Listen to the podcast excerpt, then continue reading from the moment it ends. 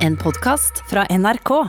Norske band og artister som hovedsakelig lever av å gjøre konserter i utlandet, de rammes ekstra hardt nå i koronasituasjonen.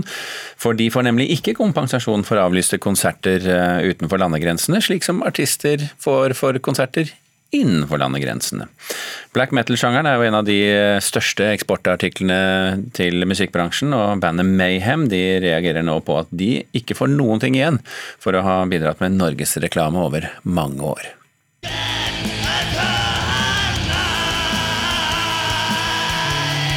Med mørke toner og tekster har black metal-bandet Mayhem erobret verden og et stort internasjonalt publikum.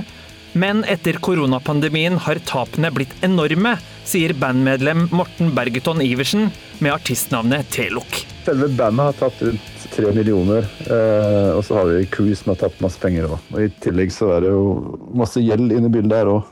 Så vi har rundt 750 000 i gjeld bare på én turné. Det er ganske mørkt for alle band i vår sjanger akkurat nå. Norske artister som spiller utenfor Norge får per i dag ikke kompensasjon for avlyste konserter.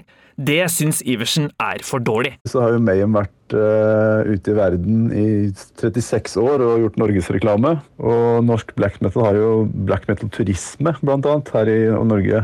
Som vi kaller for blackpackers. Så at vi plutselig bare står der og ikke får noe backup, det er jo litt merkelig. Og det er ikke bare black metal-utøvere som blir rammet av at avlyste utenlandskonserter ikke blir kompensert for, sier Marius Øvrebø Engemoen, daglig leder i artistorganisasjonen Grammart. Altså, vi ser at det, at det har vært et stort problem for mange av våre medlemmer. Eh, det har jo vært et ekstremt stort fokus på eh, eksport av norsk musikk de senere årene. Forbundsleder i kunstnerorganisasjonen Creo, Hans Ole Rian, syns det er rart at norske artister nå blir straffet for å gjøre konserter utenfor landegrensene. Altså, de kunne jo ha valgt å holde seg i Norge, men de hadde altså valgt å følge regjeringas råd om å eh, eksportere sin musikk og sin kunst til det store utland. Derfor blir de straffa nå. Fra 9. mars til 1. august i fjor holdt norske artister ca. 800 konserter i utlandet. I samme tidsrom i år har det vært tilnærmet null konserter. Kulturminister Abid Raja svarer slik på spørsmålet om hvorfor avlyste konserter i utlandet ikke gir rett til kompensasjon. Den ordninga som gjelder per i dag, eh, gjelder for de kulturarrangementene som skulle skje her i Norge. Norge tar ansvar for sine borgere og for sine arrangementer, og det er viktig at eh, de som skulle ha arrangementer i Norge, som har utgått som følge av pålegg fra norske myndigheter, at de blir kompensert. Og for de har vi laget en ganske romslig ordning. Morten Bergeton Iversen i Mayhem er ikke tilfreds med det svaret. Han sier det er mye som står på spill, og krever kompensasjonsordninger som gjelder også dem. Siden jeg spiller i et black metal-band, så ser vi jo alltid mørkt på framtida. Men uh, vi får håpe at uh, myndighetene kan gi oss et lite lys. Det er en hel sjanger som sliter, og kommer til å slite en god stund framover pga. manglende backup fra regjeringa. Reporter her, det var eh, Knut Øyvind Hagen.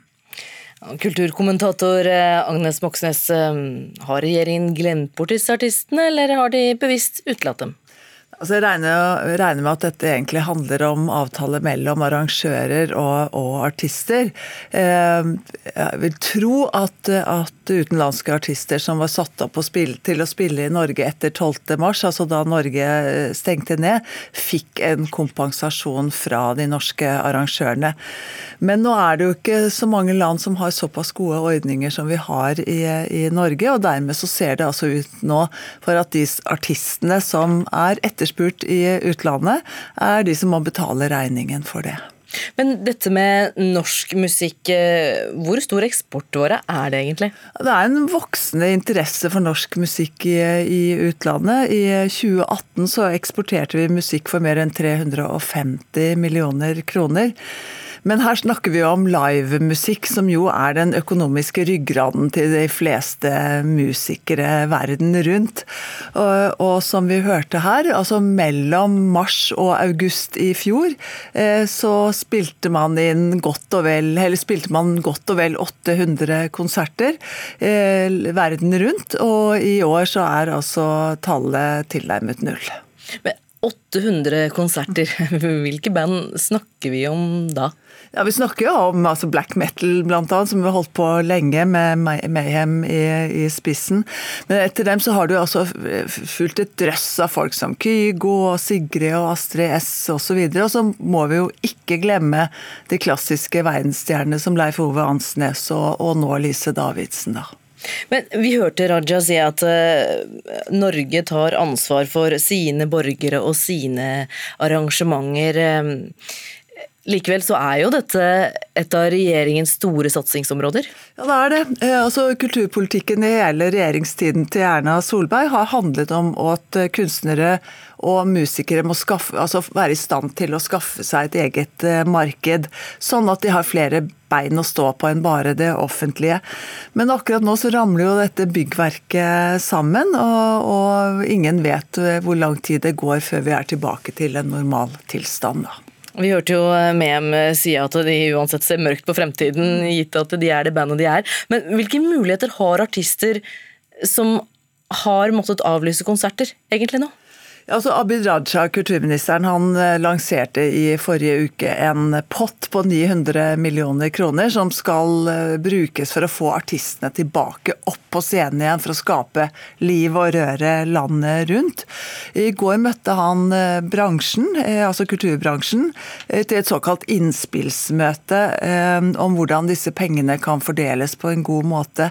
Og Det jeg merket meg, det var at mange etterspurte nytenkning. Altså hvordan kan man bruke denne tiden til å være bedre rustet til å erobre verden når koronatiden er over. Eh, og vi vet jo alle at de eneste som virkelig har tjent både mye penger og også vært med på å endre folks kulturvaner, har vært de store internasjonale selskapene som Spotify og Netflix og Amazon. Så det må tenkes eh, nytt, og da vil jeg tro at det er nyttig å bruke den kunnskapen eh, de, disse musikerne vi snakker snakker om her, som har så bred erfaring, at de er med på i en sånn prosess som dette er. Takk skal du ha. Kulturkommentator her i NRK, Agnes Moxnes. Arkeologer har gjort flere spennende funn under utgravingene på Vinjøra i Trøndelag i det siste. De har avdekket flere graver i et område ved E39. Og det er altså prosjektleder Raymond Sauvage fra NTNU Vitenskapsmuseet som forteller oss dette.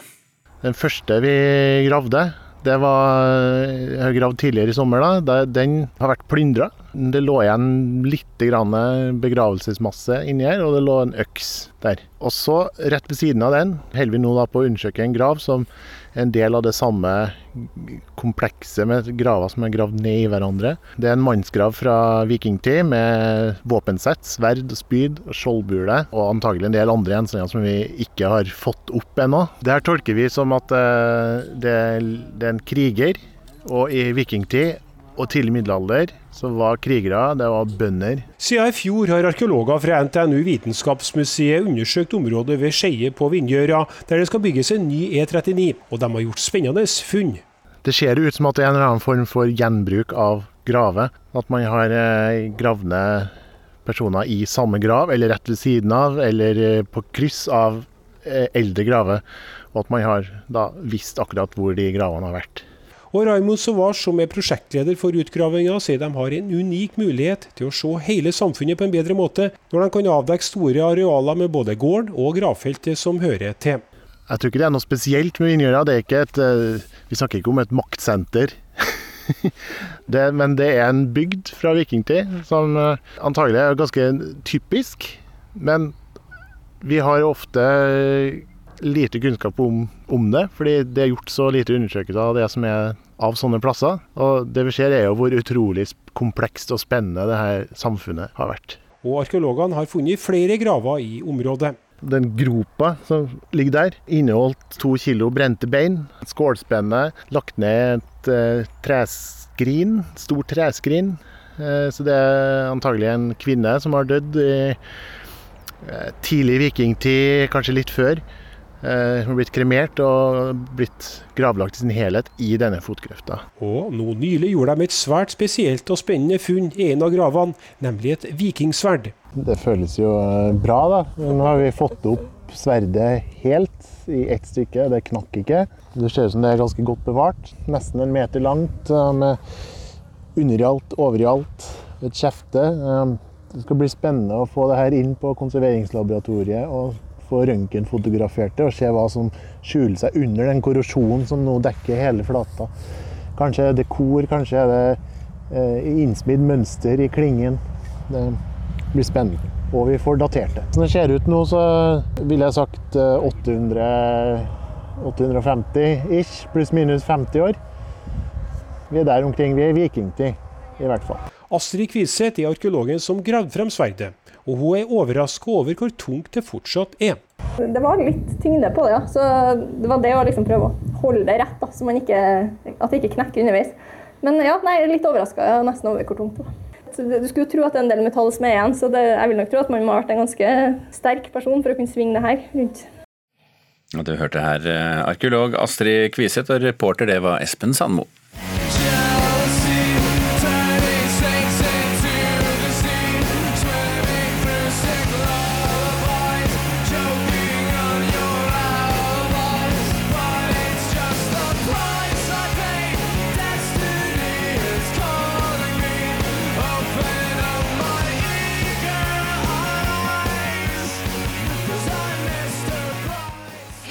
Ja, Med akkurat denne låta, 'Mr. Brightside', så slo det amerikanske rockebandet The Killers gjennom i 2004. Og siden så har eh, nettopp The Killers blitt et av verdens største rockeband, og nå er de tilbake med et uh, nytt album. Og de lengter tydeligvis tilbake til Bruce Springsteens storhetstid. Det sier NRKs musikkanmelder Espen Borge om det som han mener er bandets mest klassiske rockealbum hittil. I'm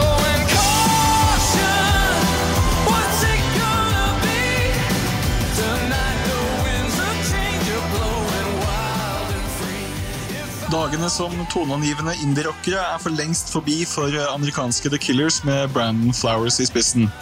Da de på midten av 2000-tallet debuterte med den bortimot perfekte Hot Fuzz og fulgte opp med den minst like gode andreskiva Sam's Town, ble låter som Mr. Brightside, Somebody Told Me og When You Were Young stående igjen som omtrent verneverdige monumenter i indie-rockens moderne historie. The Killers nyeste plate, 'Imploding The Mirage', er en blodfersk bekreftelse på at Flowers og de andre bandmedlemmene kanskje har gitt opp kommersielle hitlister og heller henvender seg til en mer voksen generasjon. Første halvdel av Imploding the Mirage føles som å bli rundgjort av skinnjakka til Bruce Springsteen, og Brandon Flowers har helt tydelig tatt på seg Bono-brillene under arbeidet med denne plata. Ikke helt overraskende, kanskje, med tanke på bandets utvikling de siste ti årene. Etter hvert som den populærmusikalske verden har vendt sjangeren deres ryggen mer og mer, har The Killers med Imploding the Mirage vendt seg mot de rådende herskere innen indie-americana, i form av gjesteartister som Waste Blood, Adam Grandusiel fra War on Drugs, Katie Lang og til og med Fleetwood Mac-legenden Lincy Buckingham. Det har imidlertid ikke bidratt til å sende The Killers inn i fremtiden, snarere tvert imot. Bandet har aldri fremstått mer gubbete enn på denne plata, men eh, er det egentlig noe galt i det? Man er nødt til å respektere et band som tydeligvis gir blanke i dagens populærmusikalske klima, og heller peiser på med delay-effekt på gitarene og dunker løs med klisjéfylte grep som hører hjemme i mer klassisk rock fra 80-tallet.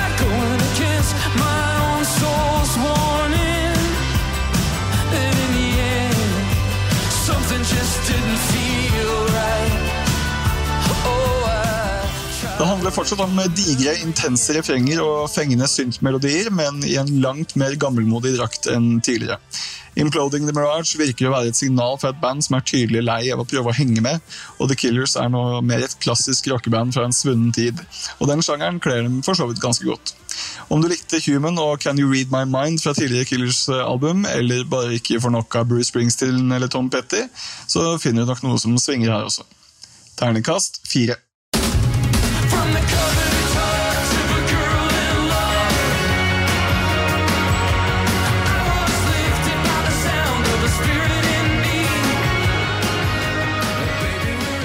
Det var musikkanmelder Espen Borge. Og har du lyst til å lese hele anmeldelsen, så finner du den på nrk.no anmeldelser.